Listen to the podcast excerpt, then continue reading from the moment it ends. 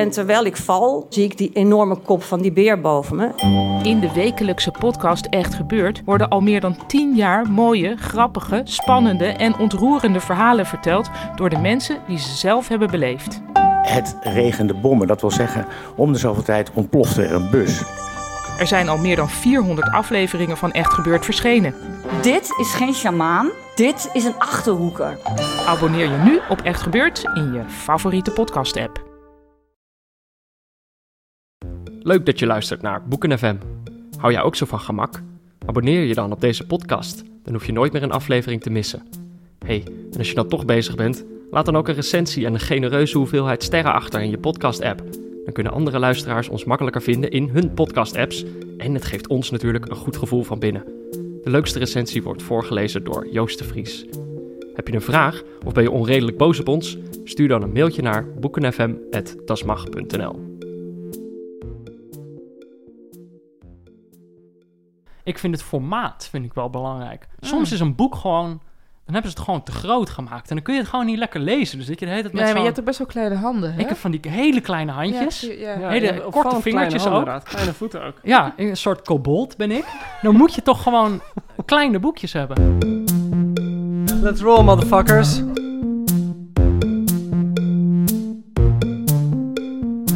Oké, wat weten we van Auke? Hey. Hi Auke. Hey. Hi, leuk dat je luistert. We hadden het niet over jou. Nee, Ah. Eh, A Little Life van Hanya Yanagihara begint met vier studievrienden in New York. Die zitten te eten in een matig Vietnamees restaurant. Ze hebben hun levens nog voor zich. Levens vol belofte, ben je geneigd te denken. Maar naarmate je meer leert over de vier individuen en hun vriendschap, zie je dat niet iedereen de toekomst onbevreesd tegemoet kan treden. Was een wereldwijde bestseller, de hit van 2015, en nu is er een toneelbewerking. Op 23 september gaat Een Klein Leven van toneelgroep Amsterdam in première. Voor ons een goede reden om het boek nog eens te lezen. Eh, dit is Boeken FM, de podcast van Das Mag en de Groene Amsterdammer over boeken en de inhoud ervan. Ik ben Peter Buurman en ik heb het vandaag over A Little Life met literair columnist van NRC Ellen Dekwits. hallo. Hey. En eh, redacteur van De Groene, Joost Vries. Hey Peter. Ik heb meteen topnieuws. Wij zijn, wij, zijn, eh, wij zijn urgenter dan ooit in het tweede seizoen. Oh. En eh, om dat even kracht bij te zetten, hebben we onmiddellijk... We hebben een winactie. Luisteraars kunnen iets winnen. Eh, lang dachten wij dat onze luisteraars dat niet konden. En, en in deze aflevering kan dat opeens. Wat je namelijk kan winnen... deze podcast gaat, zoals je hebt gehoord, over A Little Life van Hanya Yanagihara. Eh, en daar komt dus die première aan. Daar kun je geen kaartjes voor winnen, maar waar je wel kaartjes voor kunt winnen. En dat is ook in de stad Schouwburg. Eh, het heet An Evening with Hanya Yanagihara. Het is 24 september in de stad Schouwburg. Het is een soort... Zij gaat vertellen over haar eigen werk. Ze wordt geïnterviewd door Ilko Bos van Roosentaal, heb ik gelezen. Ehm, en eh, daar kan je dus kaartjes voor winnen. Twee. Ehm, maar hoe dat kan, dat gaan we nog niet verklappen. Dan moet je natuurlijk eerst deze hele podcast luisteren. En dan gaan we dat op het einde pas vertellen. Dat is, eh, dat is slim. Eh, en ur- urgent. Ehm, dit was voor mij... eh, dit boek kwam uit in 2015. Eh, de Nederlandse vertaling kwam uit in 2016. Het was voor mij de eerste keer nu dat ik het gelezen heb. Maar ik kan me, op zich, ik kan me nog wel herinneren dat het in 2016 echt zo rondzong. En dat Ja, het het werd ook hadden. boek van het jaar bij De Wereld Draait Door. Ja. En op een gegeven moment die zomer in de trein... zag je iedereen met dat boek zitten met die kaft... waarop een soort Bo van Ervedorens heel moeilijk kijkt. en je kon ook met mensen praten in de trein. Van, hey, gaat het wel een beetje? Want ik heb echt mensen zien stuk gaan... terwijl ze dat boek Ja, lazen. het gaat natuurlijk ook wel stuk. Maar, Maar je moet ook wel zeggen dat ik deze zomer bij het zwembad ook allemaal mensen met dit boek zag. Ik bedoel, het is volgens mij een boek dat nog steeds loopt en nog steeds gelezen wordt. Ik bedoel, het is niet voor niks dat eh, ITA, zoals het toneelgroep Amsterdam tegenwoordig heet, eh, nu dat toneelstuk ervan heeft gemaakt. Het zijn gewoon commerciële sletten, bedoel je? nou, wat ik, ik bedoelde eigenlijk meer te zeggen dat het boek blijkbaar gewoon een, een hedendaagse klassieker is geworden.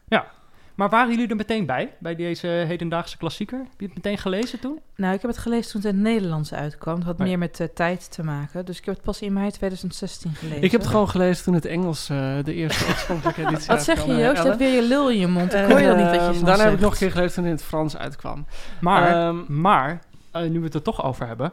eh, jij hebt er toen een recensie over geschreven. Ja, ik heb- Joost, ik dat heb was er- niet zo aardig. Ik heb er pas een recensie over geschreven toen het in het Nederlands uitkwam. Oh ja.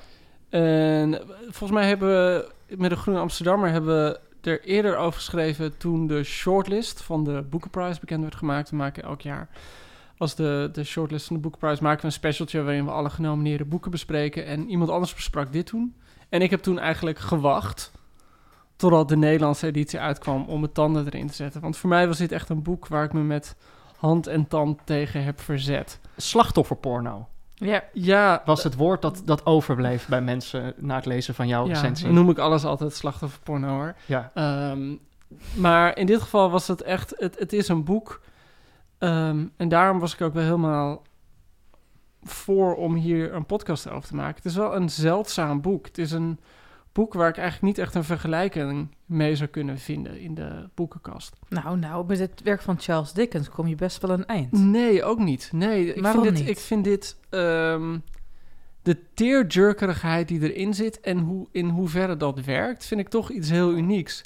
En dat is toch wel het grappige hoe dat soms werkt. Hè? Je hebt soms van die boeken die je om allemaal redenen niet goed kan vinden. En boeken die irriteren en wat boeken denk, die, die je hopeloos overschat vindt. En drie jaar later weet je nog precies wat er in het boek gebeurde. Ik bedoel, dat is wel een bepaalde kwaliteit. Kan je een ander voorbeeld noemen dan? Wat, met welke boek had je dat nog meer? Nou, ik kan, eh, ik kan eigenlijk wel genoeg voorbeelden noemen. Ik, ik weet nog dat ik, eh, nou, kan ik zo bedenken? Alle zielen van Cees Notenboom vond ik een, bespottelijk boek. Mm, En een, eh, twee jaar later wist ik nog steeds van, oh ja, maar dat was dit en hij zei dit. En eh, het, zat nog helemaal in mijn hoofd. Mhm. En dat heb ik met, gewoon met wel meer boeken die ik dan toch nog een keer teruglees en bij tweede lezing dan beter vind. Ik heb ook Ja. wel eens dat ik bij tweede lezing een boek minder vind. Dit boek heb ik daarna nog een keer gelezen en eh, ik heb nu twee, ik heb het tweeënhalf keer gelezen, zeg maar. En gek genoeg is het voor mij ook wel een boek waar ik gewoon meer waardering voor heb gekregen. Ja, want jij wil, dat zei je al, jij wil terugkomen op Nee, recensie. jongens, ik ga, geen, ik ga nu niet hier De de, grote nee, Joost de Vries. Redemption podcast. Jamais. Ehm, maar nee, voor, voor mij... Maar misschien moeten we eerst hebben over waar het boek over gaat. Ja, voor de mensen nou, die het niet We- kennen. ik wil het eerst nog even over de auteur hebben. En we kunnen het later ook nog wel hebben over wat, wat precies bedoeld wordt met slachtofferporno. En, en waarom je dat zou kunnen vinden over dit boek. Maar, want eigenlijk, eh, zij werd bekend door dit boek, toch? Dit was haar eerste, eerste echte hit. Nou, nee, ze werd in brede kring bekend met Ja. dit boek. Dit, dit, dit, dit was, dit was een superhit, maar haar debuut, eh, The People in the Trees... Zeg het goed? Ik ben heel hersendood. Ja, ja, ja. Dat, dat is ook mega goed ontvangen. Er waren recensenten die zeiden van... Nou, dit is iets totaal nieuws. Hier is iets gebeurd. Oh, Dus, eh, en, ik- en ik hoor ook van iedereen die beide boeken heeft hebben gelezen... dat ze The People beter vonden dan Hmm. Een Klein Leven. nou, dan moet ik die misschien ook nog, eh, nog een keer gaan Over het openstaan. eerste boek heeft ze twintig jaar gedaan. Dit heeft ze in elf maanden, klopt dat jongens? Eruit gepoept, Een Oh. Klein Leven. God, ja, nee, dat weet ik niet hoor. Dat Ja. heb ik niet gelezen. Ja, maar in ieder geval, zij werkt dus eigenlijk. eh, zij is niet fulltime schrijver. Eigenlijk is zij fulltime. ze is nu editor-in-chief van het Style, Style magazine van de New York Times. Eh, en ze heeft daarvoor allemaal eh, eh, reisverhalen geschreven voor de Condé Nast Traveler. En dat is eigenlijk, zij, zij vertelde in een bepaald interview, vertelde zij ook dat ze, dat ze daar best wel veel opmerkingen op krijgt. Van dat mensen zoiets hebben van ja, dan schrijf je literatuur en dan schrijf je ook voor zo'n reisblaadje of voor het Style magazine. Dat, zijn, dat is toch niet... Nou, ik, ik denk dat je daar in zoverre een opmerking over kan maken dat je... Maar daar hebben we het zo meteen wel over. Dat die stijl die heel erg bij Condé Nast past. Condé Nast is de Amerikaanse uitgever. Ook van de New Yorker moet je zeggen, maar vooral van, die mooie glossies. die stijl heeft ze ook wel een beetje in dit boek eh, gebruikt. Maar inderdaad, het, het, het, ze, ze is dus eh, fulltime werkt ze bij de New York Times. Er stond een keer in de New York Times zelf een reportage, fotoreportage bij haar huis. Ze heeft een waanzinnig mooi huis, gevuld met kunst en weet ik wat. En daarom ben ik ook wel heel benieuwd naar die avond waarvoor je kaartjes kunt winnen.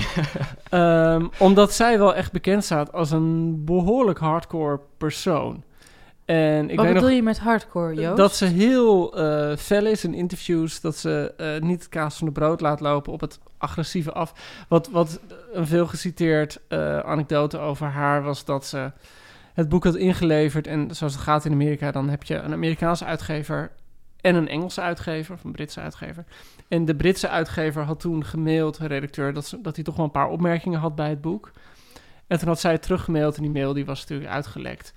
Eh, dat ze niet zat te wachten op wat een of andere limp-dicked Englishman eh, van haar boek vond. Stijlvol. Stylish. Ze is ook chef van Stylish. de stijl. Dus het is, het is ja, een, pittig, ja, ja, ja. Een, een pittig, bijzonder iemand. Ja, nou, dit kan wel een interessante avond worden. Ehm, dan kunnen we het nu wel, ja, kunnen we het wel over het boek hebben. Ja, overigens, ik kreeg Oh. net een, eh, een appje van Auke Hulst. Eh, het boek is in 18 maanden geschreven. Ah, Dat is toch wel iets langer. Ja, toch iets langer. Dankjewel, hè? Auke. Ja. Dit is wel fijn Dankjewel, dat Auke... Auke. dat- ja, overigens, de, de grap is, en eh, deze roman dankt een deel van zijn bekendheid aan Auke Hulst. Want die had in het Amerikaans, in het Engels gelezen en die was er zo lyrisch over dat hij NRC heeft Oh, gesmeekt om het te bespreken.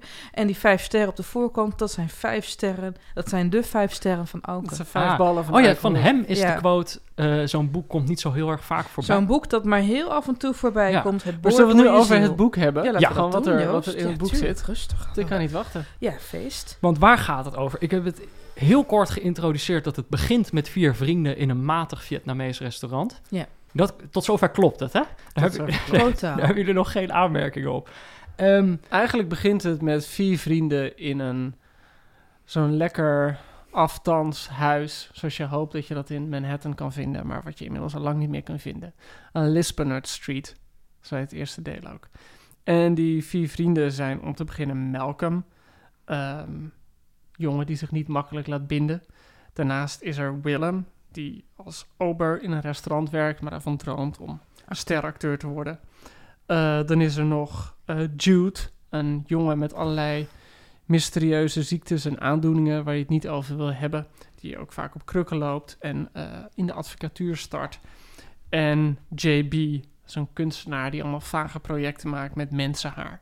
En, En en eigenlijk- Nu moeten wij vertellen dat, dat het, het, het is allemaal van gemixte etniciteit. Allemaal Want gemixte... daar zijn- is ja. de roman ook echt om geprezen. De, JB komt van Haitiaanse immigranten. Malcolm komt uit een mixed race huwelijk, die is Afro-Amerikaans. En Willem, eh Zweeds toch, kinderen? Ja. Ja. en, Eh, Ju- en Jude, eh in Jude in is heel onduidelijk. Uh, indeterminate. En dus ze zijn Ja. allemaal mixed race. Ze zijn allemaal nogal fluïde in hun seksualiteit. En waar het boek voor mijn gevoel heel erg mee begint... is eh, dat JB, de kunstenaar, in dat huis komt op Lisbon Street. En daar staan ze drie vrienden... Zoals je dat in films ziet, lekker naar de stad te kijken op het krakkemikkige balkonnetje. En hij maakt een foto van ze. En de volgende dag besluit hij van dat foto een schilderij te maken. En die schilderijen die hij daarna maakt van zijn vrienden zijn het grote, zijn grote doorbraak in de kunstwereld. En zoals JB een geweldig succesvolle kunstenaar wordt, zo wordt Willem een ongelooflijk wereldberoemde acteur. Malcolm wordt een sterarchitect die over de hele wereld opdrachten krijgt. En Jude, eh, de zielige kneus met zijn krukken, eh, groeit uit tot een waanzinnig getalenteerde advocaat. Dus het is een leven, de, het, eh, A Little Life heet het. En tegelijkertijd zijn het hele grote levens die die jongens uiteindelijk door de jaren heen krijgen. En in- aanvankelijk denk je nog wel dat het echt over die vier vrienden gaat. Toch? Je denkt echt Ja. zo van, nou, we gaan deze alle vier evenveel voorbij zien komen in dit verhaal. En we gaan aan het einde zien hoe het ze allemaal is afgegaan. Ja, die veronderstelling heb je. Je hebt sterker nog de eerste, nou, ik denk toch wel 100 pagina's. 100 het idee dat het over JB gaat. Dat hij de hoofdpersoon is. Daar richt Hanneke Jaren ook de schijnwerper op. En gaandeweg blijkt het steeds meer over Jude te gaan. Over de onzekerheid, wie zijn ouders zijn, wat zijn herkomst is, wat zijn etniciteit is. Maar vooral, waar komen die wonden vandaan? En zijn toch wel wat afstandelijkheid. Hij is van de enige vier, dat blijkt eigenlijk al vanaf het eerste hoofdstuk, het minst veilig gehecht. Hij is argwanend als mensen aardig tegen hem doen. En eigenlijk het niet kunnen geloven in liefde, het niet kunnen geloven in onvoorwaardelijke liefde, dat probleem komt steeds sterker naar voren. En ik denk dat dat ook een van de redenen is dat je als lezer ook steeds sipper wordt. Ja, ik had ook het gevoel dat je een beetje dat... eh, het is een behoorlijk boek, meer dan 700 pagina's. Je wordt er echt... eh, je wordt, er, je wordt er een beetje ingesleurd. Dus het begint een beetje met het idee... Het is ook wel eens vergeleken met eh, Sex in the City. Zo van, je bent in New York. Wat mensen die allemaal dingen meemaken, die succesvol worden. Eh, zo word je dat boek ingelokt. Maar het gaat meer en meer over die Jude. En eh, je kunt wel stellen dat het met hem inderdaad niet zo heel erg goed gaat.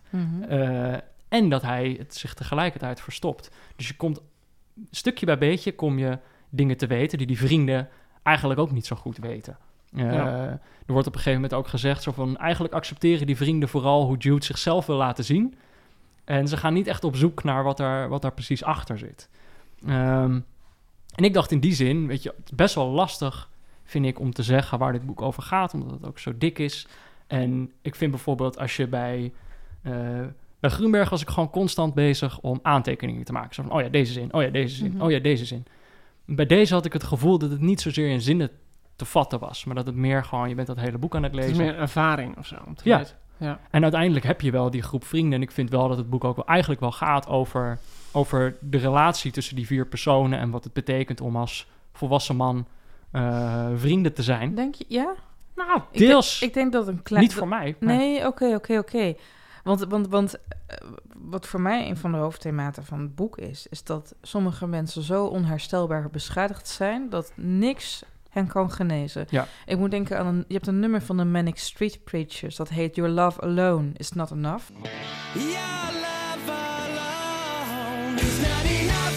Alleen je liefde is niet genoeg. De sopraan die u nu hoort is Joost de Vries. Die, die, die, die, die verdient tegenwoordig bij... Ja, het betaalt zo slecht bij de Groen Amsterdam tegenwoordig. Ja, die verdient tegenwoordig bij een gay bar. Het zit ook straks in de Force Senior. Dus het wordt heel enig. Los hiervan.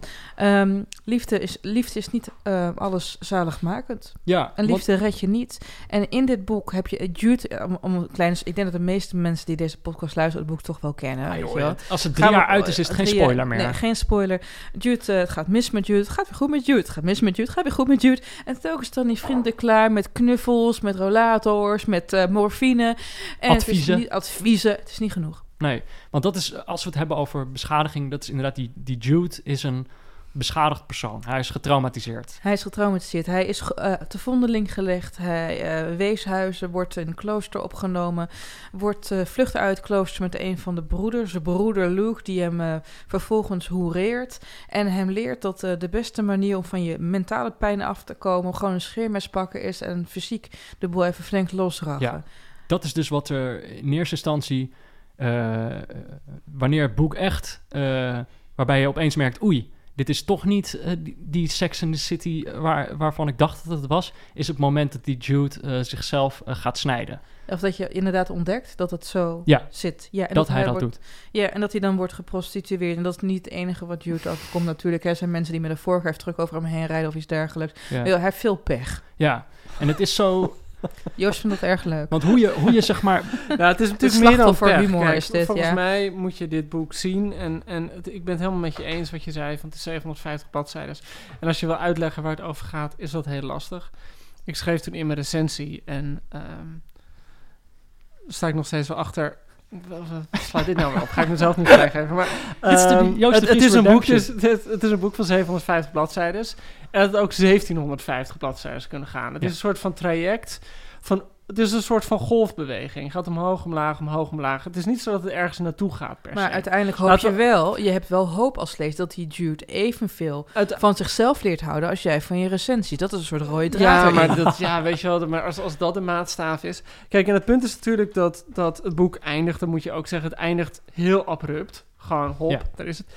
Maar waar, wat het boek voor mij gewoon gevoel meer is, dat heb, ik, dat heb ik in mijn recensie niet echt geschreven. Maar het punt is, ik heb die recensie geschreven, waar ik het slachtofferporno noemde. Volgens waren heel veel mensen boos op me. Heb ik met heel veel mensen erover gepraat. En eigenlijk was ik het ook wel eens met wat sommige mensen tegen me zeiden. En dat, is, eh, dat had ik misschien niet gezien. In die zin is het boek, en dat is al wat er heel bijzonder aan is. Het is een soort heilige leven. En Jude is de patroonheilige van mensen met pijn. En inderdaad, kijk, het is bijna, daar moest ik net even gniffelen. Als je gaat opsommen wat Jude allemaal overkomt, ja, dat, dat is gewoon buiten alle proporties. Ik bedoel, hij eh, zit inderdaad, wordt misbruikt door een priester, hij snijdt zichzelf. Ehm, hij, ehm, dan heeft hij een keer maatschappelijk werker die omgeeft. En nou, drie bladzijden later krijgt ze kanker, gaat ze dood. Dan heeft hij een keer een vriend die van hem houdt. Nou, die gooit hem met rolstoelen af van de trap af. Hij heeft allemaal zelfmoordpogingen over. Hij heeft, rijdt inderdaad iemand met een soort van tractor over hem heen en gooit hem in een vuilnisbak. Eh, het is echt, als je het opzomt, daar hou ik echt mijn hart vast. Hoe gaan ze dat in godsnaam doen? Ja. Hoe gaat Ramsi Nassar dat op het toneel doen? Ik bedoel, lijkt me heerlijk als gewoon op een gegeven moment in, tenta- in de voorstelling...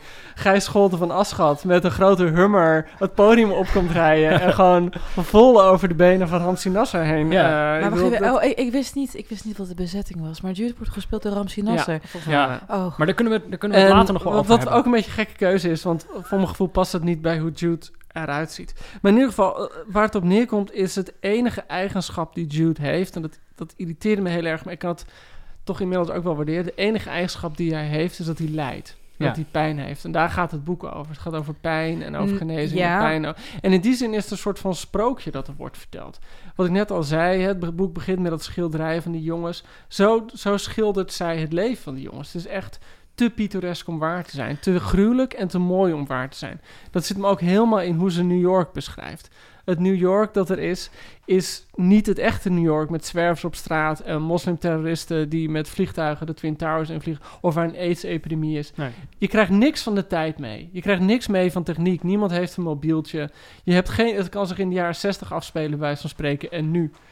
Maar er was een Ehm, recensie die zich afvroeg van eigenlijk is niet eens de vraag in welke tijd het precies afspeelt. Het is de vraag of het wel op deze planeet is Ja, waar het Mm. zich afspeelt. ja. Mm, mm. Omdat er is inderdaad geen enkele tijdsmarkering. Nee. Er, wordt, er, er, er is, wordt eigenlijk geen techniek gebruikt ook door die mensen. Er zijn wel films, dat dan weer wel.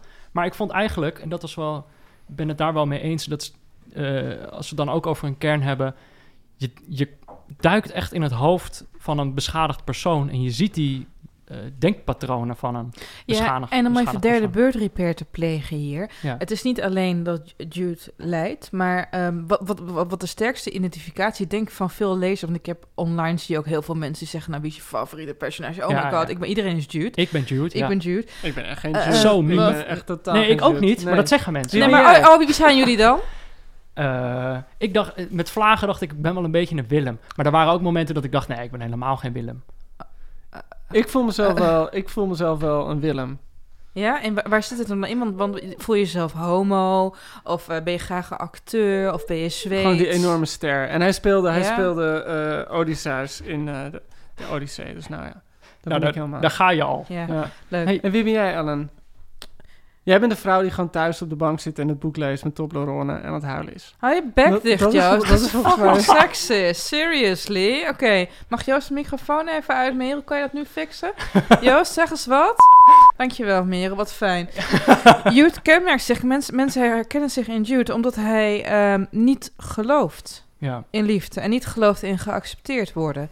En ik denk, kijk, ik- er zijn weinig mensen die ik ken, althans weinig mensen die ik op het internet zie, die hun jeugd helemaal zonder kleerscheuren overleven. Ik had het geluk dat ik naast iemand met een posttraumatische stressstoornis opgroeide, die ook genen met mij deelde. Dus ja, ik zou mezelf wel als een soort Jude beschouwen, maar een Jude waarbij wel alles goed komt. Ja, maar Jude, is Jude inderdaad- overleeft zijn jeugd niet met kleerscheuren, maar gewoon zonder kleren, gewoon in totaal. Gewoon die kleren zijn helemaal weg. Hij is een kleerscheur. Hij is, hij, hij is de scheur. Maar, Oké, het, metafoor is maar het is inderdaad... Sorry, I, I killed him. Maar eh, het is inderdaad... Hij laat zich ook niet helpen. Dus het boek is inderdaad, Heel wat je eerder ook al zei... Die vrienden...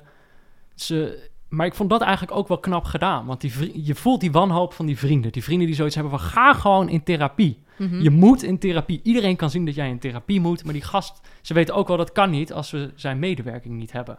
En dat. eh, en tegelijkertijd snap je waarom die vrienden accepteren dat hij dat heel lang ook toch niet doet. Ja, is dat zo? Wa- Waarom Ja. denk je dat het zo is? Hoe bedoel je? Wat zo is? Nou, want ik heb daar, ik, ik, ik, ik, heb, ik, ik, kon, ik kwam daar eigenlijk niet over uit. Waarom ze het maar accepteren? Omdat ze bang waren dat ze hem kwijt zouden raken of iets dergelijks. Ja, meer dat, denk ik. Ja. Maar ook, er stond, op een gegeven moment stond dat ook, eh, ik heb dat al eerder genoemd, maar dat omschreven wordt. Uiteindelijk accepteren ze dat, hij, dat, ze, hij, dat ze alleen zien hoe hij zichzelf wil laten zien. En dat ze tegelijkertijd weten van dat, dat is niet goed voor hem. Mhm. En eigenlijk moet hij geholpen worden, maar ze accepteren dat hij niet geholpen wil worden. En ze snappen ook wel dat ze daarin eigenlijk meewerken met, met zijn ondergang eigenlijk. En ik vond het eigenlijk wel, wat ik zo knap vond, op het moment dat aan het begin duidelijk wordt dat hij zichzelf snijdt, dan is het een, een soort privéarts die die Jude heeft, de Mhm. enige arts waar hij naartoe wil, die... eh, Die ook een vriend van hem is overigens. en die zegt dan tegen die, die Willem, die op dat moment mee is naar die arts, die zegt dan zo van, je, je weet toch wel dat hij zichzelf snijdt. En eigenlijk, dat is het eerste moment dat je het leest. En dan, eh, die, die Willem heeft zoiets van, ja, dat wist ik eigenlijk, dat wist ik helemaal niet. Of dat zegt hij op dat moment. En later wordt dan toch duidelijk, van, hij wist het eigenlijk wel, maar hij had het toch ook niet willen weten, omdat, omdat die Jude het ook verborg. Ik vond dat soort mechanismes... Maar dat is natuurlijk wel grappig. Dat was vorige keer over Grunberg. En zijn boek heette Goede Mannen. En dat ging op een bepaalde manier over het soort mannen die op geen enkele manier, het soort mannen dat, op geen enkele manier met elkaar over gevoelens praten, over problemen praten. Alles wordt gezwegen. En toch is dat, dit is dat bepaald niet, deze vriendschap. Dit zijn echt jongens die, die gesprekken met elkaar voeren zoals ik ze echt nog nooit in mijn leven met mijn vrienden heb gehad. En echt heel erg zo eindeloos met elkaar emoties bespreken. En heel het ook de hele tijd, dat is bijna het, het, de, de redemptie die erin zit voor, voor Jude. Ook de hele tijd tegen hem zeggen hoe belangrijk er voor ze is, hoeveel ze voor ze houden. Ik bedoel, je maakt, zelden kom je in boeken mannelijke personages tegen die zo over hun gevoelens praten. En daarom is het inderdaad wel een van die interessante dingen van waarom ze dus niet toegang krijgen tot wat er nu precies met Jude aan de hand is. Ja, ik vond wel inderdaad wat jij zegt van dat constante benadrukken over hoe belangrijk hij is. Ik denk dat daar ook een beetje tearjerkerige in zit. En ik denk ook dat mensen dat graag zouden willen horen, hoe belangrijk ze, ze voor andere mensen zijn. Weet je wel, van die mensen die dan, dat je wel eens fantaseert over wat mensen over jou gaan zeggen op je begrafenis. Terwijl je ook denkt van ja, zeg dat dan gewoon tegen elkaar als je nog, eh, als je nog leeft. Ja. Zullen we Ik denk zo even een dat is rondje een doen, dat we zouden zeggen... Wat ik wel voor Oh, jou zou zeggen. Heel veel. Oh, gelukkig. oh, godzijdank zijn er... We hebben, we hebben, we hebben weer luisteraarsvragen. Daar moeten we nu even naartoe. Ehm, nou, ik ben benieuwd. Ik ben- we zullen het wel horen. Een vraag van Tom. Ehm, ik zeg er van tevoren even bij dat ik hem niet helemaal precies weet ehm, ho- hoe de vraag precies bedoeld is. Dus ik lees hem gewoon voor zoals hij er staat. En dan eh, nou, laat ik het lekker aan jullie. Oh jee. Ehm, zien jullie een toekomst voor het kortverhaal als volwassen vo- vertelvorm? En niet als opstapje naar de roman in het Nederlands taalgebied? En wordt deze toekomst beïnvloed door de verkortende aandachtspannen van de lezer? Met vriendelijke groeten, Tom. Ah. Dit zijn meerdere vragen. Ja, Tom, dit, dit is inderdaad interessant. Er zijn meerdere vragen. Eh, ik, eh, ja, weet je, kijk, de, de, de, de, de korte, de- het korte verhaal en de korte verhaalbundel is altijd... eh, eh, eh, vaak betekent het voor een uitgever het faillissement dat soort dingen uit te geven. Het wordt veel minder gelezen. Ehm, ik denk echter wel dat met de verkorting van de attentiespannen van de lezer... er wel kansen liggen.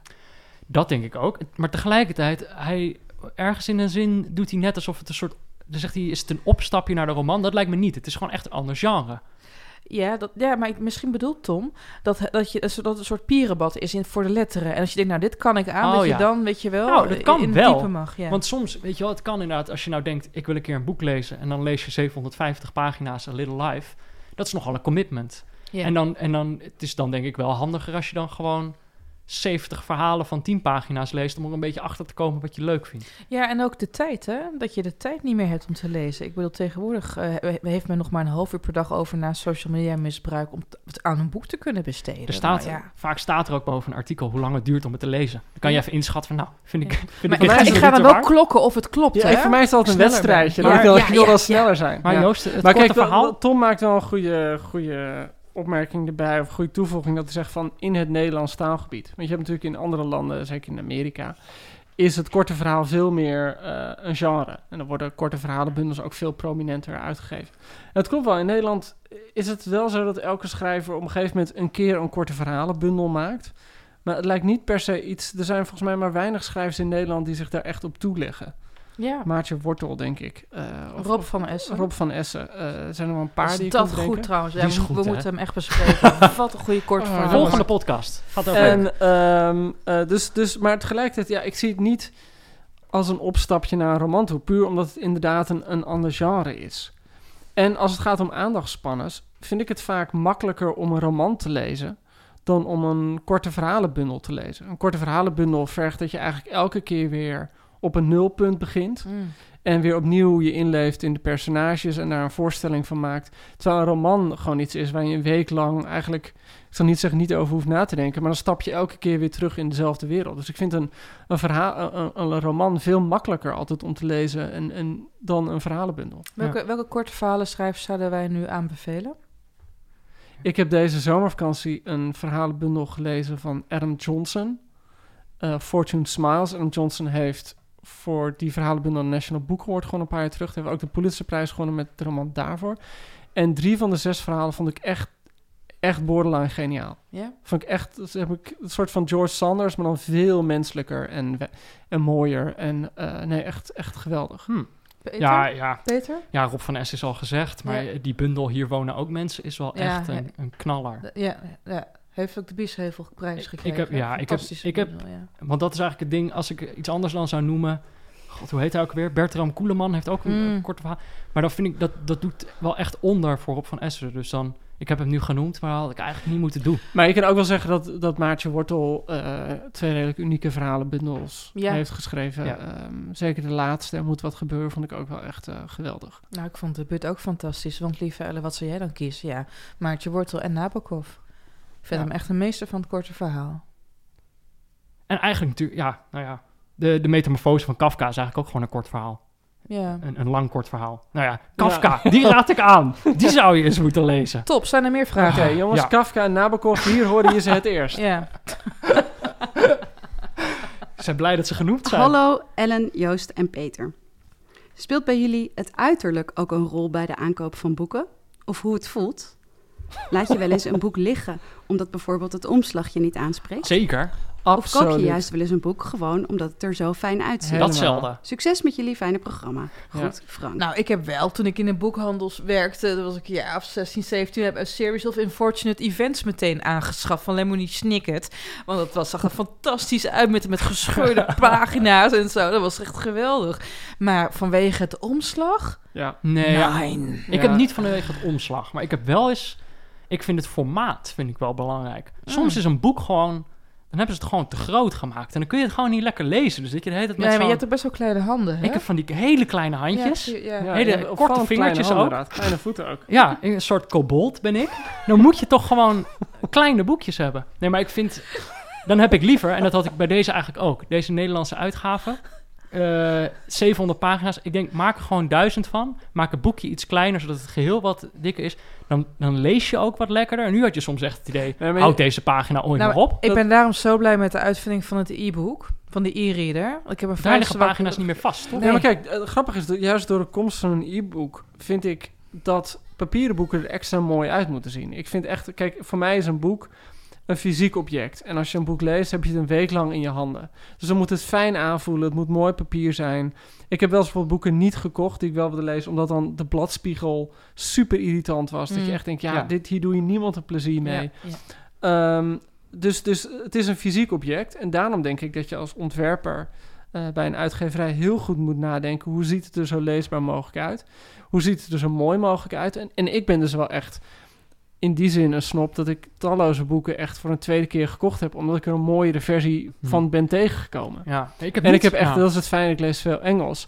Dan kan je altijd nog kiezen tussen de Engelse editie en de Amerikaanse editie. En dan heb je ook nog twee verschillende soorten paperback. En dan ben ik zo eindeloos bezig om, om uit te zoeken wat ik het mooiste boek vind. Ja. Eh, Ik- qua, qua uiterlijk, ja. ja. Maar je ik bent heb- dus echt ja. wel bibliofiel dus eigenlijk. Ik ben redelijk bibliofiel. Maar ik heb dus niet zo gauw dat ik een boek zou laten liggen omdat ik het lelijk vind. Maar ik, het, ik weeg het soms wel een beetje mee in het oordeel. Als ik maar- het dan aan het lezen ben, dan denk ik van ja, maar ze vinden het zelf niet eens belangrijk hoe het eruit ziet. Nee, maar Mm. ik had Adam Johnson, wat ik net heel erg aan tipte was. Dat, dat boek heb ik dus heel lang niet gelezen, die verhalenbundel. Omdat hij er zo lelijk uitzag. Het zag echt met zo'n lelijke soort van babyblauwe voorkant. Met veel te veel blurbs erop. Weet je wel, het was echt zo'n boek dat veel te veel bezig was zichzelf te verkopen, de kaft. En toen heb ik heel lang gedacht, ja, eh, ik hoef het niet in de kast te hebben. Weet je wel, dat is voor mij dan zo'n ding.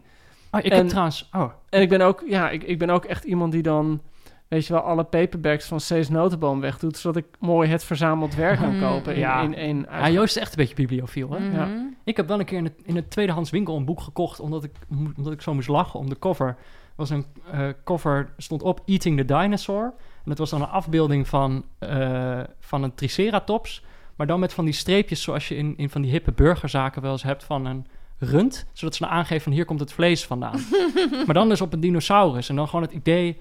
Ik was daar meteen door aangetrokken. Dus toen heb ik dat boek gepakt en er stond ook... De, de achterkant was ook heel grappig. En het was uiteindelijk een essaybundel van Chuck Klosterman... Eh, en de titel kwam dan uit een essay waarin hij het had over tijdreizen. En dat als hij zou kunnen tijdreizen, dan zou hij graag een keer een dinosaurus eten. Dat was dan een, een, een punchline ergens halverwege een alinea. Nou, Maar, lachen, eh, lachen met Chuck. Leuk toch? ja. Ja. sommige mensen zouden baby Hitler doodschieten, maar hij wilde liever een dinosaurus eten. God, Waar wa- zou jij naartoe was de vraag als ook je- alweer? Als je terug in de tijd kon, Ellen. Wat zeg je? Wat, wat, ik zou, Als je terug, terug in de tijd kon, wat zou ik doen? waar zou je naartoe willen? In welke tijd? Oh, Tudor Engeland. Oké. Jesus, do you even need to ask? What the fuck? What the fuck? Maar dan wel dat ik bovenaan de voedselketen sta. Want je wilt nu natuurlijk niet in Tudor Engeland en een door gewoon een reukkrankzinnige prostituee zijn. Nee. nee, dat lijkt me ook niet zo leuk. Jullie jongens, naar welke tijd zouden jullie terug willen? Ik zou denk ik, ik heb er wel over nagedacht. Ik zou zeg maar 18e eeuws Noord-Amerika gaan. En dan zou ik een wandeling maken. En dan zou ik de grote kudde van de bisons willen zien. Ja, wat lach je? Dat is niet om te lachen. Weet je hoe... Weet je hoe Ja, maar ik lach toch? Ja, kan ik ook niks aan doen. Nee, je moet huilen omdat die bisons allemaal zijn Ja. uitgemoord. Godverdomme, ja. Ja, Jij Peter, waar zou jij naartoe gaan? Ehm, Ja, misschien niet eens zo heel erg lang geleden. gewoon in een tijd... waar- 2010 of zo. weet je. ja, gewoon een tijd waarin er nog hoop was. Voor, dat je nog een keer het WK van 2010 kon kijken. ja. Je eerste krantenwijk. Nee, ja... eh, Maar was jij in 2010? Zo- Brugklas of zo? eh, 2011 begon ik met studeren, dus ik denk dat ik net begon in VWO 6. Eindexamenjaar. Ongelooflijk. Die 99 VWO was dat voor gedaan. mij, jongens. Ja. Ja. nou goed, Eh zullen we weer terug naar A Little Life? ja.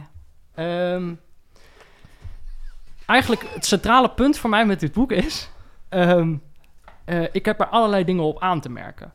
Ehm, merk ik, zeg maar, op het moment dat ik weet van we gaan het Ja. over dit boek hebben... dan zit ik gelijk van ja, ik vind de stijl eigenlijk niet zo goed. Ehm, ik, ik, het is niet per se een boek waarvan ik zou zeggen... zo zouden alle boeken moeten zijn. Eh, en toch vind ik onomstotelijk werkt dit boek heel erg goed. Dus ik dacht, misschien, hebben jullie hetzelfde? Ja, kijk, ik denk dat je over die stijl heel kort kan zijn. Of kort. Ehm, in de New Yorker werd het volgens mij lifestyle porno genoemd. Ja. En dat is het ook heel erg. Ik bedoel, je kan zien, dat, dat wat ik net al zei, dat is voor Condé en Nast schrijft. Ze houdt er heel erg van om eten te beschrijven, om de interieurs te beschrijven. Ik bedoel, dat, dat heeft bijna een soort van fetish-achtige kwaliteit. Ehm, en daarnaast, en dat is iets wat mij... Dat is dus de reden waarom ik het slachtofferporno noemde. Er zit een ongelooflijk getructe manier van schrijven in. Het is absoluut een methode die je op een gegeven moment gaat zien en dan Gaat voorspellen ook. gaat voorspellen. Ja. En, en gek genoeg werkt het dus wel, die methode. Maar de methode is gewoon heel simpel. Jude ehm, twijfelt en denkt dat niemand van hem houdt en walgt van zichzelf. En hij komt bij zijn professor thuis met zijn vrouw en hij denkt alleen maar, ze gaan tegen me zeggen dat ze niks met me te maken willen hebben. En dan zeggen ze, Jude, willen je adopteren. Of, eh, dus het is de hele tijd of Jude heeft een maatschappelijk werker, die ik al zei, en ze houdt van hem, het is geweldig. En vijf bladzijden later bezwijkt ze aan een zielige ziekte. Dus het is de hele tijd die cyclus. Het is de hele tijd van, oh, het gaat heel slecht. En dan gaat het weer heel goed. En dan gaat het weer heel slecht. En dan gaat het weer heel goed. Dus het is de hele tijd dat trucje van die emotie. Van de hele tijd heen en weer schakelen tot zo goed, slecht. En ik merkte zelf, en, en dat is dus mijn persoonlijke dilemma met het boek, dat ik zie die trucjes en ik irriteer me aan van alles. En toch was het wel een boek wat je soms met een brok in je keel Ja. leest. En ik merkte dat ik dat dus niet had als het slecht ging met Jude. dacht ik alleen maar, nou, laat het alsjeblieft afgelopen zijn, weet je wel. Eh rij nog een keer met die vorkheft truc over me heen. Maar het ging dan, ik werd dan emotioneel als dan volgens al zijn vrienden weer om hem heen gingen zitten en zeiden van Jude, we houden zoveel van je. Het is eigenlijk wel mooi wat je net zei. Het is heel erg alsof iemand de hele tijd een speech voor je aan het houden is zoals hij die zou houden op je uitvaart, maar dan terwijl je kerngezond bent. Dus het is de hele tijd die, die enorme muur van liefde die om hem heen zit. Die het niet werkt. Dat is het harde ervan namelijk. Ja. De liefde die niet werkt. Ja, liefde slaat niet aan bij hem. Nee. Hij houdt zichzelf wel in leven, maar hij snijdt zich er niet minder om. En ehm, eh, ik weet niet of jullie dat hadden. Waar, waar- hebben jullie allebei ook gehuild bij Ja. dit boek? Ja. Weet je wel, dat- je voelt ook je een beetje aangerand als je begint te huilen om een boek wat je eigenlijk technisch niet zo Ja, heel heel lekker erg. vindt. Weet je wel, alsof je toch klaarkomt bij een man die niet helemaal je type is. Bij welke scène hadden jullie dat nou, dat je emotioneel klaarkwam? Ik had dat echt erg laat. En ik was op zich echt wel gegrepen door het boek. Maar je En was het bracht me wel in, het bracht me wel in een, in een sombere stemming. Ja. Eh, ik heb het ook, moet ik wel zeggen, ik heb het volgens mij in, in twee dagen uitgelezen. Dus dan wel gewoon twee dagen flink lang erin zitten lezen. Dus dan zit je helemaal in zo'n stemming en in, in- word je wel door dat boek opgezogen. En als je dan daarna over straat loopt, dan voel je wel die, dan heeft die somberheid zich wel het meeste van je gemaakt. Maar echt pas Mhm. op het einde, eh, ja, er, er gaat een personage dood. En eigenlijk, meerdere Wie personages. zou dood. dat ja, zijn? maar op het einde gaat er, gaat er nog eentje dood. en dan, eh, en dan, en toen dat verlies of zo, dat kwam gewoon wel aan. Toen dacht ik, oh nee, niet, niet, niet, Niet diegene, na- na al die niet moeite. persoon. Ja. En dan gewoon, ik weet niet. Ik, en wat ik ook had, en dat hing een beetje met elkaar samen. En tegelijkertijd had ik dus hetzelfde als wat jij zei, Joost. Dat je af en toe echt denkt, ja, dit boek, dit trucje dat, ze, dat, dat, dat de hele tijd wordt uitgevoerd. En dan toch dat ik af en toe wel dacht, oh ja, ik moet ook echt aardiger zijn voor mijn vrienden. Ik ga straks meteen mijn vrienden bellen, weet je. Ik, dat je de hele tijd denkt, ik ben een slechte vriend. Op een of andere manier werkte dat dan wel. Ik ben ik had, ik waarom. bijvoorbeeld op het einde had ik het heel erg, ehm, maar dat is echt helemaal aan het einde van het boek, dat die, eh, die soort van adoptievader van Jude, dan naar het schilderij kijkt dat eh, JB heeft gemaakt. Mm. Waar, waar ik aan het begin over begon te vertellen dat hij al die vrienden heeft geschilderd. En dan kijkt hij naar dat schilderij toen die vrienden nog allemaal jong en gezond en hun leven voor zich hadden. En eigenlijk nog niet al die pijn hadden meegemaakt die, die je door die 750 pagina's van het boek heen over je hebt heen gedonderd gekregen als lezer. Dus dat, dat, dat, dat, dat opeens, dat is dan toch wel de kunde van het boek en, en ook dat die methode, hoe, hoe zichtbaar die methode ook is, dat het wel gewoon werkt en dat je wel gewoon je aangesproken voelt. En Maar wel- jullie knapten dus op het laatst. Want, want kijk, eh, ik moet zeggen dat ik dat breekmoment... toen ik dit boek huilend op de bank met mijn crackpijp zat te lezen... toch al een stuk eerder had, hoor. Op een gegeven moment krijgen Jude en eh, Willem, zoals je het uitspreekt... een relatie met elkaar. En dan zitten ze te kijken van... hoe moeten we dit vertellen aan Malcolm en JB? En hebben ze vooral met JB de grootste moeite... want ze weten dat JB, die natuurlijk totaal narcist is... zich heel erg gepasseerd gaat voelen. Ja. Dus dat, dat, dat kleine dat- moment van tederheid... dat je zo met iemands tekortkomingen rekent... En dat, dat, dat vond ik dus wel echt een van de minst geloofwaardige dingen. Dat Willem dan uit het niets opeens... Ze kennen elkaar tien jaar. En dan opeens wordt hij gay voor Jude. ja. Dat, dat, dat, dat geloofde ik helemaal niet. Dat ik Nee, echt dacht, nee, dit is maar gewoon om, om het is opmerkelijk wat je nou zegt, want dit, dit boek hangt eigenlijk van de ongeloofwaardigheden aan elkaar. Hè? Ik bedoel, eh, carrières die gaan harder dan de Nasdaq-index. En dan is dit hetgene wat je Ja. dacht van nee. Ja, nee, ja, gek genoeg was dit dan... En ik bedoel, wat je zegt hoor, er zijn natuurlijk heel veel dingen. Het boek is een beetje een sprookje. En, en de wereld zoals wij hem zien is niet hoe die in het boek wordt beschreven. Maar dit was voor mij een van die dingen die ik dacht... Ja, nu, nu verzin je gewoon iets. Wat natuurlijk een beetje een gek verwijt is om tegen een, een romanschrijver te maken. Ja. Maar dan toch janken, toch? Dus dat je dat tegelijkertijd... Ik, was, ik was door die scène niet zozeer... Ik ben het met je eens, juist die geloofwaardigheid. Dat is gewoon, dat is totally jumping the shark, dacht ik op pagina 500 toen ze een setje werden. Maar die tederheid waarmee ze dat nieuws aan JB... om zijn enorme ego niet te, kwe- te kwetsen, Ja. vond ik prachtig. Ja, ik, vond, denk ik, ik had het denk ik ook wel meer in het begin van het boek... als Jude dan opeens geadopteerd wordt. Dat, die, dat vond ik zo'n mooi lief moment. Dat hij dan dat die professor van hem eh, en zijn vrouw dan zo apart nemen en zeggen: hey, moet je horen. Dat, en dat hij natuurlijk helemaal niet verwachtte. En dat vond ik, ja, het was inderdaad heel teder en, en heel lief. Er zitten ook er zitten een paar momenten dat er wel wordt geprobeerd om wat. om, om het niet zeg maar alleen maar zo'n zo'n cyclus van pijn te laten zijn, maar dat er ook ideeën in worden gestopt. Dus het gaat op een gegeven moment over wiskunde. Ja. Jude is eigenlijk Ja. heel erg geïnteresseerd in wiskunde. Ja, en advocatuur tegelijk. en Ja. hij is, hij is ge- maar in de wiskunde is hij dan gefascineerd door een, een soort vergelijking die zou moeten bewijzen dat het niets ook bestaat. Want het wiskunde gelooft, wiskunde gelooft dat het niets ook bestaat. Maar hoe bewijs je dat dan? En daar is hij dan door, door gefascineerd. En er zit op een gegeven moment over Malcolm, dat is een andere jongen, die architect. Er zit er zo'n zo'n passage over. eh, ik weet niet meer precies waar het over gaat, maar dat gaat over een jongen die heel erg goed een hond kan tekenen. En dan komt hij op een, op een eh, kunstacademie. En dan gaan ze hem dan leren hoe je dan iets moet tekenen. Dus je gaat het eerst abstraheren in vormen. En dan ga je eerst die vormen tekenen en daarna teken je die hele hond eromheen. En dat lukt die jongen dan niet. En uiteindelijk kan hij alleen nog maar die, die, die, die cirkels tekenen en niet meer de hele hond. Terwijl hij eigenlijk, hij kon die hond al tekenen. En toen alleen nog maar de cirkels. Ik vind vaak in boeken, vind ik dat soort ideeën vind ik dan leuk. Eh, daar kan ik dan wat mee of zo. Of dat, dat, dat ga je dan op andere plekken zien. En dat spiegel je dan misschien ook wel eens aan jezelf. Zo van ja, ben ik nou iemand die alleen nog maar cirkels kan tekenen. Maar dat, Oké, ja. dat zit er heel weinig in. En nog iets anders, maak een bruggetje. Ja. Eh, dit boek is ook wel de Big, The Great Gay Novel genoemd. Ja. In Amerika. Zien jullie daar iets in? Mm, nou, eh, alleen, alleen als dat adjectief betrekking heeft op de omvang. Ja. Niet op kwaliteit. Ja, maar het wordt ook... Het ik wordt, vind het werk van Maggie Melson, dat is veel dunner, maar daar, daar zit veel meer greatness in. ja, Ja, Nou, ik, wat ik, ik- ja. ja. sorry. Nou, ik, ik, ik had inderdaad die discussie nog even gelezen. Want het werd toen in een stuk in de Atlantic... wordt het, wordt het dan de Great Gay, Gay Novel genoemd. En wordt het er vooral ge- geprezen dat veel van deze personages queer zijn. In de zin van dat ze... Die Willem bijvoorbeeld, hij komt op een gegeven moment met Jude samen...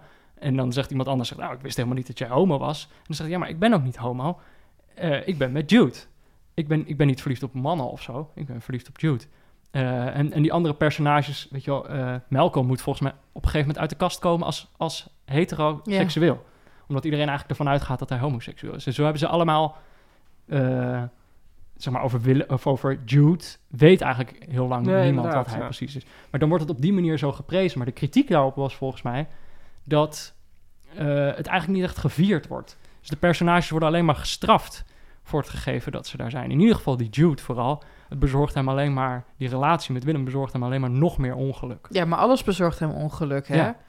Ik bedoel, ook, ook Nou- ademhalen, geadopteerd worden, alles. Ja, maar wat jij zei van een ander Ja. boek bevat meer greatness. Mhm. Ik kan me dat wel voorstellen. Maar ik moet wel zeggen, ik ben echt geen expert op dit soort. eh, En dit gebied. het is eigenlijk een soort soap, deze roman. En het queerness, dat komt er gewoon bij. Een soort queer soap. Maar ik vind het niet een great... eh, nee, er, zit geen er wordt niet in op gereflecteerd. Nee. De verschillende onderdelen eh, zingen niet door in bijvoorbeeld de geaardheid van de personages... waardoor het meer wordt dan een som der delen. Dus wat dat betreft vind ik het niet een great gay novel. Nee. Dus een soortgelijke kritiek wordt ook zeg maar op die slachtofferporno, eh, als je het zo zou noemen, eh, gegeven. Eh, namelijk dat als je een bepaalde dynamiek laat zien van iemand die mishandeld is, dus als je laat zien dat hij blijft hangen in zelfdestructieve patronen en zich niet laat helpen. Zij, dus werd destijds geschreven, was een van de weinige mensen die destijds ook echt heel kritisch erop was. Die zei, die dynamiek laten zien is niet hetzelfde als er een betekenisverhaal, betekenisvol verhaal over vertellen. Ehm, en ik vond, toen ik dat las, dacht ik, ja, ik heb, dat is misschien, ik ben, ik vond het indrukwekkend hoe die dynamiek mij getoond werd. Maar ik had inderdaad ook wel liever eh, echt een verhaal gezien. Ja, goed, maar het moeilijk is natuurlijk ook... Ik weet niet of je een kunstenaar altijd kunt ver- verlangen... Van, ik weet niet of je altijd van een kunstenaar kunt verlangen... dat hij zelf de betekenis aan zijn werk geeft. Nee. Ik bedoel, het, interessante van dit boek is... en dat is een van de redenen waarom we eh, drie jaar nadat het boek uitkwam... het nog steeds het gevoel hebben dat we het erover moeten hebben. En waarom er nu ook een toneelstuk van wordt gemaakt... en waarom het nu nog steeds rond het zwembad wordt gelezen... is dat het gewoon een boek is waar je zelf heel veel gevoel in legt... en zelf heel veel betekenis in legt. En, en ehm, voor, zullen mensen zijn die het geweldige literatuur vinden. Het haalde de shortlist van, van de Boekenprijs notabene en van allerlei andere prijzen. En er zullen ook mensen zijn die eh, het gewoon een, een trucje vinden... dat op vaak genoeg horken, horkerig genoeg geschreven is. Ja. Dus op een bepaalde manier... ze gooit gewoon heel veel elementen bij elkaar. En ze laat een beetje aan haar lezer over om daar een, een uitspraak over te doen. En dat bevalt me eigenlijk ook wel weer. Ja. Dus volgens mij, en, en ook al heb je het over van of het nou de Great Gay Novel is, op een bepaalde manier die, die eh, homoseksualiteit van een aantal van die hoofdpersonen wordt niet echt gethematiseerd. Het is er gewoon. En Ja. het maakt deel uit van wie ze zijn, zonder dat dat nu de inzet van de roman is. En wat dat betreft zou je wel kunnen zeggen dat het een great gay novel is. Want er wordt geen probleem van gemaakt. Het Ja. wordt geaccepteerd. Ja. De toneelbewerking. Ja. Wat verwachten we ervan? Nou, ik wist, ik wist niet dat Ramsey hem zou spelen. Vind ik heel Moet interessant. zo voor mij ook nieuw hoor. Nee, oké, oké, oké. Ik heb me daar niet in verdiept. Maar Nee. jij weet dat zeker, Joost. Ja, ik weet, ik weet eigenlijk steeds minder zeker in mijn leven. Ja, oh, vandaar je Maar ik, ik las, eh, ik, ik ben daar ook even over gaan lezen. Eh, even kijken wanneer dat precies was, die, die première natuurlijk. Maar daar las ik wel dat Ivo van Hoven het verhaal had gety- eh, getypeerd als een allegorie van goed en kwaad. Ik Oh, moet man. zeggen dat ik daar nou niet heel gerustgesteld door was. Dat ik dacht, oh, dit, dit is precies waar, de, weet je wel, alles is toch... Wat is dat voor een soort algemene... Ja, dat is bijna zeggen alsof het van dit boek is een, gaat over de confrontaties tussen nature en nurture. Weet je, dat gaat ook elk, elk boek gedaan. Als je het over Lord of the Rings zegt, goed en kwaad, of over Harry Potter... ja, ligt het een beetje dikker op, hè? Precies, en Ja. hier heb ik toch het gevoel van, er is toch wel... Het is toch niet alleen maar... Het gaat over vriendschap en de ontoereikendheid daarvan, terwijl het, Het zo duurt, wordt het stuk duurt heel lang. Ja, Ehm, met twee pauzes zitten erin, dus dan, dan heb je het wel over vier, vijf uur, denk ik. Ehm, het heeft een behoorlijk grote cast. Volgens mij doet echt bijna, bijna alle acteurs van de toneelgroep doen mee. Ehm, ik vind het heel moeilijk om, om een voorspelling te doen wat, wat we straks te zien krijgen. Hebben jullie kaartjes? Nee. nee. Ja, ik ga wel. Eh, niet naar de première, maar naar de laatste try-out. Oh, vandaar. En ehm, dus ja, ik hou, ik weet niet. Het is, het, aan de ene kant kan ik zeggen, ik hou mijn hart vast. Ja. Eh, het is natuurlijk een, een, een boek dat je heel zwaar kunt maken. Je kunt er een heel grimmig... Weet je wel, ik moet er niet aan denken om, om nu eh, acteurs te zien... die gewoon vier uur lang in hun eigen vlees aan het snijden zijn of zo. Nou, als het stomme acteurs zijn, zou ik het echt geen probleem Dan hebben. zou jij het willen doen ook. Maar dat, Voor hen, ja. ja, dat, dat is een beetje die, die dominatrix kant van jou, denk ik. Barry Atsma, ja hoor. Eh, die zit er niet in, volgens mij. Wat Hm. jammer, die mag wel stuk. Ik, eh, ik ben gewoon benieuwd. Ik heb geen idee. Wat jij zegt, het kan inderdaad de lood zwaar worden, maar het zou ook kunnen dat ze het eh, een nieuwe nieuw ding geven. Ehm, zullen we het dan nog heel even over de winactie... eh, over de win oh, er wordt ons net de rollenverde- rolverdeling... Oh ja, Auke Hulst eh, stuurt ons net de, de Oh, rollenverdeling fijn. inderdaad. Die live... Eh, Thanks, Auke. eh, ja, inderdaad. Ramsi Nasser speelt Jude. Maarten Heijman speelt Willem. Maïch Mardot, eh, een nieuwe bij Toneel Amsterdam, die speelt JB. En Mandela WW speelt Malcolm. En Hans Kesting speelt allerlei rollen. Die speelt vooral de nare rollen, zo te zien. Dus Priester Luke en, en noem maar op. Caleb. Caleb, Mm. trailer. Oh, die Oh, speelt maar nu, begrijp ik, nu begrijp ik die uitspraak van Van Hoven ook al een beetje. Want al het kwaad wordt de één acteur gepersonificeerd. Hm. Nou jongens, Ga er maar Ja. aan staan. Ik ben gewoon eh, heel benieuwd. Ik, ben, ja, Ja. eh, ik, ik vraag me ook wel af, zeg maar, omdat, omdat het zoveel... Het zit heel veel in de gedachten van zo'n Jude. En dat is natuurlijk altijd de uitdaging bij theater. Maar ja, hoe zorg je dan dat mensen gedachten meekrijgen... zonder dat een personage de hele tijd aan mensen aan het uitleggen is wat hij, wat hij denkt. Of dat hij dat hardop aan het zeggen is. Dus eh, nou, ik ben benieuwd. Maar wij hebben dus een winactie. Oh ja, laten we naar de winactie gaan. Eh, dat, is, dat is niet hiervoor. Eh, dat, is dus, dat is dus, dat had ik al gezegd, dat is voor een evening with Hanya Yan- Yanagihara. Volgens Joost een explosieve persoonlijkheid. Dat ik kan ken hem nog niet leuk worden. persoonlijk, maar eh, ik ben benieuwd. We gaan zien wat er van Ilko Bos van Roosendaal overblijft. Ehm, maar daar kun je dus kaartjes voor winnen. Eh, het is in de stad Schouwburg. We hebben deze kaartjes ook via de stad Schouwburg. Daar zijn we ze eh, enorm dankbaar voor. dankjewel. Dankjewel, Stad Echt Schouwburg. fijn. Ja, ehm, maar we kunnen dus die kaartjes eh, gaan verloten. En we dachten, dat gaan we natuurlijk niet zomaar doen. Eh, wat je moet doen is, eh Dasmag plaatst deze aflevering plaatsen ze op hun pagina. De pagina van Dasmag. Op Facebook bedoel je? Op Facebook, sorry. Ja, op hun Facebookpagina. En dan kun je daaronder, kun je dan eh, commenten. Dan kun je een comment plaatsen. Leg even social media uit, alsjeblieft. Je kunt, oké, je hebt dat duimpje. je hebt het Niet op dat internet, duimpje. jongens. Je hebt het internet. Eigenlijk moeten we daar beginnen. Dat noemen ze dus social media. Maar je hebt dat duimpje, daar moet je niet op drukken. Je hebt zo'n vakje, daar kun je wat in typen. Oh, je moet ook op het duimpje drukken, hoor ik nu. Eerst op het duimpje drukken. En dan moet je een En je comment kunt ook schrijven. delen voor al je vrienden. Delen kan ook. Sorry. Dat, en dat kan effect hebben op je winkansen. Eh, het zou, Mm. dat kan zomaar. In ieder geval, schrijf in die comment een blurb voor dit boek. En de beste blurb wint twee kaartjes. Dus dan kan je nog iemand meenemen die je aardig vindt. Bijvoorbeeld. Moeten ze niet iemand taggen ook, die dan voor hun... Tag een vriend. Tag een vriend. Ja, dan moet je ook de vriend taggen die mee moet. Oké. Alles voor de sociale interactie. Ja. Hoe meer sociale interactie, hoe grotere kans om te winnen. Zo urgent mogelijk moet het allemaal zijn. Seizoen 2, Boek FM, zo urgent mogelijk. Ja. Is het een urgent boek? We zijn nu in de afrondende fase van de podcast. Nou, het is in die zin actueel dat die fucking toneelbewerking daar aankomt. Maar nou, om te zeggen dat mij dit is, heeft geleverd de tijdsgeest van de 21ste eeuw over queerness of over ze überhaupt de mensen in zijn algemeen. Dat kan ik niet zeggen dat ik dat heel erg vind. Ja, laten we in ieder geval zeggen, het is wel zo'n klassieker die als je een beetje van deze tijd bent, dan moet je hem gelezen hebben. Nou, dan ben ik blij dat ik dat gedaan heb. Top. Dat voelt in, voelt, voelt in ieder geval heel urgent. Ehm, verder, hebben jullie nog een blurb? Oh, eigenlijk niet. Ja, Joost? Joost? Slachtofferporno? Slachtoffer, ik heb mijn blur al Zet dat er maar op. Zet er maar op. Eh, ja, ik, had, ik, weet niet, ik weet niet of het goed is, maar het werkt wel. Had ik. Oh ja. Ja, Ja. dat vind ik een goede. Ehm, We en gaan becijferen. cijfers. Ik heb dus sinds kort een Goodreads-account. Hebben jullie dat ook? Hebben jullie Goodreads? Nee. Nee, waarom Ik ben, het dus, al- ik, ik, ik ben het gaan proberen. Onze ik dacht, Goodreads zijn onze kranten, hè? Eh, Wat? Onze Goodreads-accounts zijn onze kranten. Oh ja, maar ik dacht eigenlijk, ik, ik dacht ik moet het toch eventjes proberen. Iedereen doet het. maar dan moet je dus ook de hele tijd sterren geven aan boeken. Niemand doet het. Yo, ik heb Nederlands gestuurd. Merel steekt de vinger op. Isabel, Isabel heeft al een keer iets geliked. Dat ik had gezegd, ik heb dit boek gelezen. En dan likte zij dat. Het voelde heel goed. Oh ja. ja. Dus ik snap Zo- de charme zo'n van pity het. like. Maar dan word je dus ook... Mensen leuk, zeggen dan, want ik zeg dan, ik heb dat boek gelezen. Maar dan gaan mensen zeggen, maar hoeveel sterren geef je het? Maar dan weet ik dus nooit hoeveel ik moet geven. Maar ik moet zeggen, ik beviel me bij Grunberg wel om gewoon een 7 te geven. Dat vond ik eigenlijk wel lekker. Lekker onuitgesproken. dus dat, ik ga nu ook gewoon een 7 geven. ja. Oké. Met daarbij de kanttekening dat ik echt wel begrijp dat, dat mensen dit een veel hoger cijfer zouden geven. En dat ze het als een absolute klassieker zien of het beste boek dat ze ooit hebben gelezen. Ik vind het een 7. Jij Joost?